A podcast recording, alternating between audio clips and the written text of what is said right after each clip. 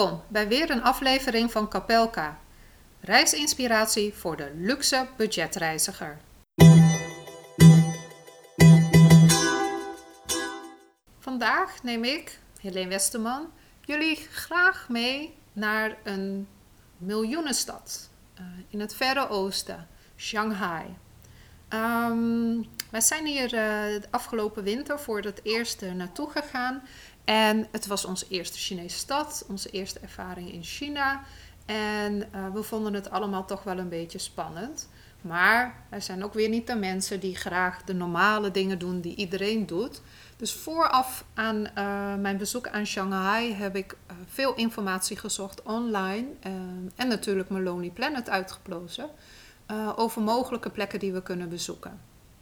En um, al snel uh, hadden we het idee opgevat om vooral te gaan lopen door Shanghai. Want we wilden heel graag de Chinese cultuur, de Chinese, ja, Chinese manier van leven ervaren. Dus wij um, zijn uiteindelijk zo'n drie dagen gewoon continu aan het wandelen geweest. En we hebben ons eigenlijk letterlijk en figuurlijk ziek gelopen. Uh, Milton kreeg een enorme verkoudheid. Ik ook. Maar daarbij ontwikkelde ik ook nog een grote ontsteking. Waardoor um, ik uiteindelijk een week later naar het ziekenhuis moest voor een antibiotica-kuur. Maar dat is een minor detail. Um, vandaag neem ik je liever mee uh, naar wat wij hebben gezien in Shanghai en vooral de bijzondere plekjes uh, die we zijn tegengekomen. En ik moet toch beginnen met het feit dat um, ik het altijd een mooie uitdaging vind om naar de bekende plaatsen in de stad te gaan, waar iedereen, waar iedere toerist naartoe gaat.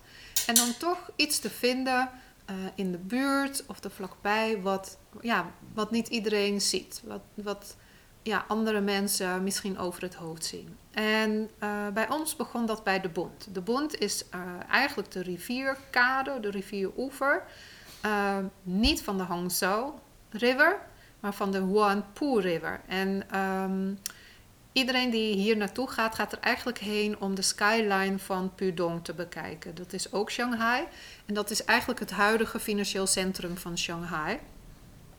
En uh, ja, de, de skyscrapers en de, de futuristische gebouwen kun je heel mooi uh, vanaf de overkant van de rivier uh, bekijken. En natuurlijk hebben we daar ook naar gekeken. Maar goed, ehm, ik heb meer dan tien jaar in Rotterdam gewoond, met uitzicht op de skyline van Rotterdam. En uh, mijn man Milton heeft meer dan 28 jaar in New York gewoond en is ook wel een beetje bekend met skylines. Dus wij waren daar niet zo heel erg van onder de indruk. Um, dus om onze tripje langs uh, deze rivieroever wat boeiender te maken, hebben we onze blik gericht op de gebouwen. Uh, veel al uit begin jaren 20, 20ste eeuw. Uh, zijn daar gebouwd ten tijde dat Shanghai echt uh, enorm bloeiend en groeiende economisch centrum was. En uh, wij hadden in de Lonely Planet gevonden, onder andere, dat er een art gallery zou zijn in het Three on the Bund gebouw. En dus we dachten, laten we daar naartoe gaan. Gaat niet iedereen heen en we houden sowieso wel van moderne kunst. En het leek ons leuk om ook vooral kunst van Chinese kunstenaars te zien. Um, het duurde even voordat wij de galerie hadden gevonden. Uh, we moesten daarvoor, uh, zijn we in een trappenhuis beland, wat erg art deco leek, met uh, allemaal muurplaten, een beetje in een grijze kleur, metaalafbewerking. Maar het leek ook een beetje op de jaren 80. Um, dus we waren niet zo van onder de indruk. Maar het maakte wel een heel mooi contrast met de grote zaal van de Shanghai Gallery of Art. Um, die bevindt zich op de derde etage van de Tree on the Bund. En um, is een hypermoderne art gallery met een grote open space, witte muren, betonnen vloer, uh, very industrial. En uh, ja, toen wij daar binnenkwamen, hebben we eigenlijk heel erg genoten van een paar bijzondere kunstwerken en kunstenaars. En waren we heel erg onder de indruk van het niveau dat daar werd uh, tentoongesteld. Um, dus een absolute aanrader om even van de rivierkade af te gaan en deze art gallery uh, te gaan bezoeken. Iets verderop aan de bond uh, staat het Hongkong en Shanghai Bankgebouw. En als je goed oplet, zul je zien dat er kleine groepjes mensen naar binnen gaan. En dat komt omdat in de hal, in de entreehal, er een enorme mozaïekplafond uh, is uh, gecreëerd. Uh, met mooie symbolen en kleurtjes en alles, maar enorm indrukwekkend. En ja, veel gidsen gaan met hun groepjes daar naar binnen om even te kijken. En, um, maar het is niet alleen de entreehal die heel erg boeiend is. Uh, het zijn ook de Art Deco elementen verder in de bank. En een bank die nog steeds functioneert ook. Dus het is wel bijzonder om daar uh, even naar binnen te lopen. Omdat ik toch nog geld moest wisselen en ik ook de ervaring wilde opdoen hoe het is om geld te wisselen in China bij een bank, uh, zijn wij vervolgens de Bank of China naar binnen gegaan om daar wat euro's te wisselen naar de Chinese munteenheid. Dat gebouw heeft niets meer van het verleden. Alles is er gemoderniseerd. Alleen je ziet nog aan de structuur van het gebouw dat het inderdaad een gebouw is uit de jaren 20, 30 waarschijnlijk van de vorige eeuw. Um, er is een enorme lange grote trap, enorme grote hal, maar alles is gerenoveerd en gemoderniseerd. Um, dus ja, je hebt daar niet echt te veel van de tijden zoals het is geweest, maar wel de impressie dat het een indrukwekkend gebouw was en is nog steeds. En dat uh, de Bond echt de Wall Street van Shanghai destijds was. We zijn niet alleen overdag uh, langs de rivierkade gaan lopen, maar we hebben uiteraard ook een keer s'avonds uh, de rivierkade opgezocht om de lichtshows te zien die op de skyscrapers worden geprojecteerd. En vooral ook om andere toeristen te kijken die natuurlijk uitbundig foto's staan te maken van de skyscrapers en van uh, de verlichte gebouwen aan de boom.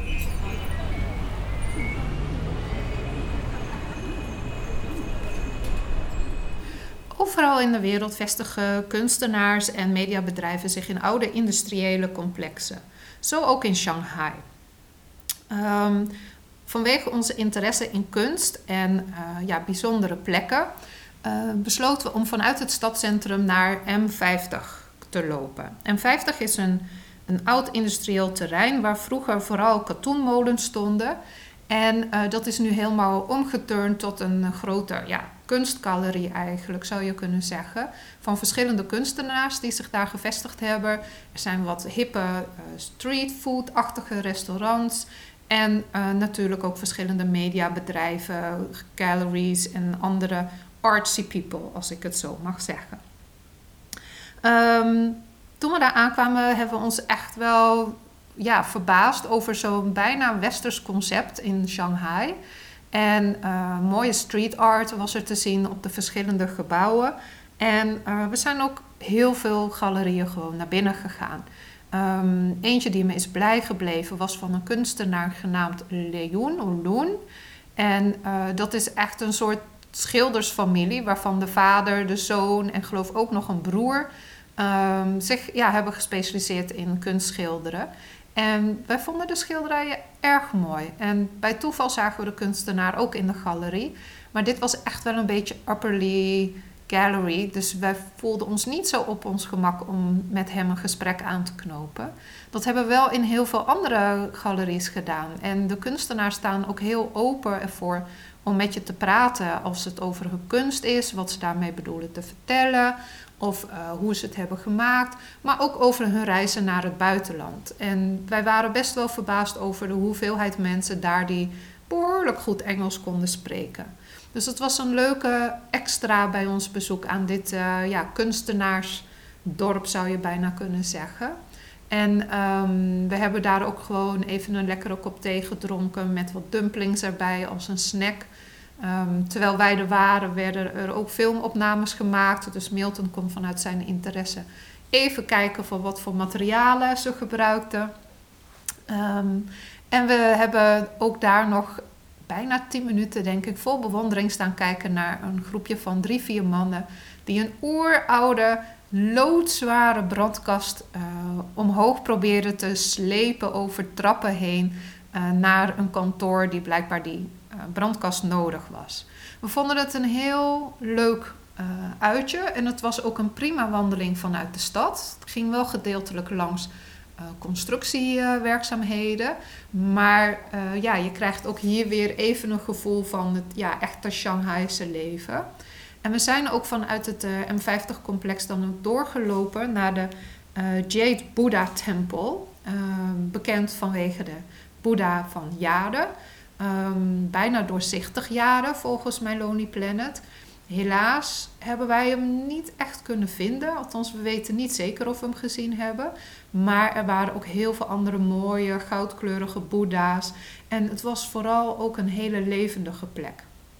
En het is, uh, wat ik heb begrepen, de laatste uh, klooster, boeddhistische klooster in Shanghai. En uh, het boeddhisme heeft, is heel lang onder druk geweest onder het Chinese regime. En men krijgt nu weer een beetje ruimte om, om hun geloof te beleiden, ook in Shanghai.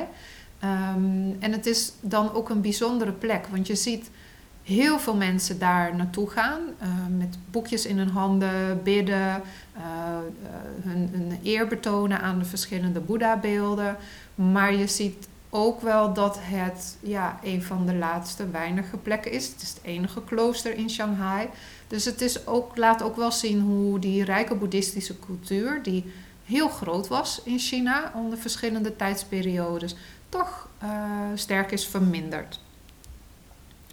Um, vanuit hier zijn we weer teruggelopen naar de stad en um, hebben wij toen onze dag afgesloten.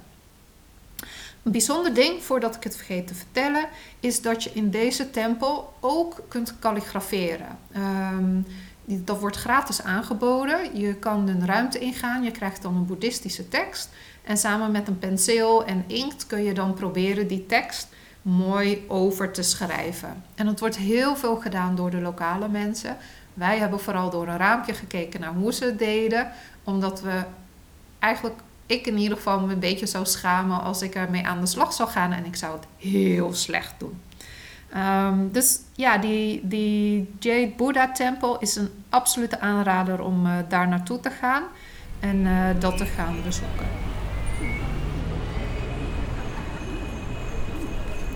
Waar ik voor mijn komst naar Shanghai nooit bij stil had gestaan, is dat ook uh, Shanghai een vluchtoord is geweest voor Joden die zijn gevlucht vanuit Rusland en Duitsland en Oostenrijk eh, ten tijde van de Tweede Wereldoorlog. En um, in Shanghai kun je nog de Jewish Refugees Museum bezoeken, die in de voormalige ghetto-wijk staat. En um, die ook is gevestigd in het uh, Orjai Morsche uh, synagoge. En die synagoge staat er nog steeds. En uh, wij zijn daar naartoe gegaan. We zijn daar niet lopend naartoe gegaan. Het was een beetje te ver vanuit het stadscentrum. Maar we hebben de metro genomen. En um, het is een hele bijzondere plek. Uh, we hebben daar echt wel even wat tijd doorgebracht. We hadden gehoopt dat we konden meedoen met een rondleiding. Maar vanwege het winterseizoen werd die rondleiding uh, niet gegeven. Um, dus wie weet, als je in de zomer gaat of in de hoogtijdagen voor het Chinees toerisme, dan uh, zal er allicht uh, rondleidingen worden gegeven. Uh, waarbij je nog wat meer kan horen over de geschiedenis en de verhalen van vooral eh, de Joodse groep die um, ten tijde van de Tweede Wereldoorlog en net voor de Tweede Wereldoorlog is gevlucht naar China. Wat blijkt namelijk, dat is dat toen Hitler aan de macht kwam en kanselier werd en de druk op de Joden groter werd om uh, zich aan te passen en ja, de eerste werkkampen en de Joden uh, werden weggevoerd, um, toen besloten heel veel uh, landen eigenlijk hun grenzen voor de Joodse vluchtelingen. En alleen Shanghai was eigenlijk een plek waar veel Joden gemakkelijk, relatief gemakkelijk naartoe konden. En dat was omdat weliswaar de Japanen Japanners toen China al bezet hadden, maar er ook een Franse concessie, een Engelse concessie en uh, gewoon een Chinese wijk aanwezig was. En eigenlijk was er niemand in charge uh, van Shanghai, waardoor die stad ook open bleef voor vluchtelingen. En uh, dankzij een aantal consuls in Europa zijn toen heel veel visums afgegeven voor de Joden om naar Shanghai te gaan reizen. Um, hun leven daar is niet makkelijk geweest. Um, ze kwamen al vanaf begin jaren 30 naar uh, China toe. Maar de Japanners op een gegeven moment in uh, volgens mij 41 of 42 hebben toen gezegd van um, er komen te veel Joden. Ook een beetje onder druk van de Duitse invloeden. En hebben zij gezegd van alle Joden moeten naar een ghetto toe. En uh, die ghetto is uh, daar gezet. Daar woonden ook heel veel Chinese mensen, woonden ook andere vluchtelingen. Maar iedereen die na 1 januari 1937 naar China was gekomen, moest zich daar vestigen. Shanghai kende al een Joodse gemeenschap. Al vanaf 1840 hadden zich een aantal Joodse handelaren gevestigd in Shanghai. En um, dat waren vooral Irakese Joden. En um, drie families staan daar, uh, zijn daar het meest bekend van. En die hebben toen ook heel veel tijd en geld en middelen en vastgoed ingezet om de verschillende vluchtelingen op te vangen.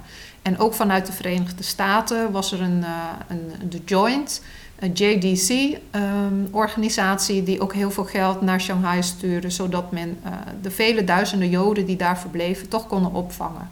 Maar het was geen gemakkelijk leven. En in het museum kun je aan de hand van allerlei foto's, materialen, verhalen, kun je ja, lezen en horen hoe deze Joden hier hebben geleefd. En um, het, het, bijzondere is wel dat behalve dat, um, is er ook een expositie, ten tijde dat wij er waren althans, over uh, belangrijke Joodse uh, uh, inwoners van Shanghai en China, die zich ook ingezet hebben voor de communistische zaak. En vooral in de beginjaren 1915, 17. ten tijde van de Eerste Wereldoorlog. En um, dat is ook wel heel bijzonder om te zien. Het is echt een pro-Chinese tentoonstelling. Um, af en toe had ik wel zoiets van, oh, het wordt wel allemaal heel erg opgehemeld. Maar het is wel goed om te zien, want het laat gelijk ook zien hoe de propaganda werkt uh, in China. En, um, en het is maar een klein deeltje van het museum, want daarnaast waren er ook weer heel veel video's van seniorenburgers die uh, vertellen over hun, vlucht naar Shanghai, hun verblijf in Shanghai en hun terug, terugkeer naar Shanghai. Na zoveel jaren om, om de plek te zien waar ze als kind tijd hebben doorgebracht. Ik ben nu aan het luisteren naar een podcast van de China History Podcast. En uh, deze man, Laszlo Montgomery, heeft zes afleveringen ingesproken over de Joodse vluchtelingen in China. En dat blijkt een hele boeiende geschiedenis te zijn. Dus wil je eens een hele andere kant van China zien dan, en van Shanghai, dan zou ik zeker aanraden om naar het Jewish Refugee Center te gaan en ook om de podcast af te luisteren van uh, deze Laszlo Montgomery. Ik zal uh, de informatie en de links natuurlijk in de show notes zetten, zodat je het kan nalezen. Maar een absolute aanrader om daar naartoe te gaan. En de oude ghetto is niet meer echt in werking, maar je kan nog wel een beetje de straten zien waar deze mensen allemaal gewoond hebben. Dus dat geeft ook nog een extra feeling uh, aan de plek.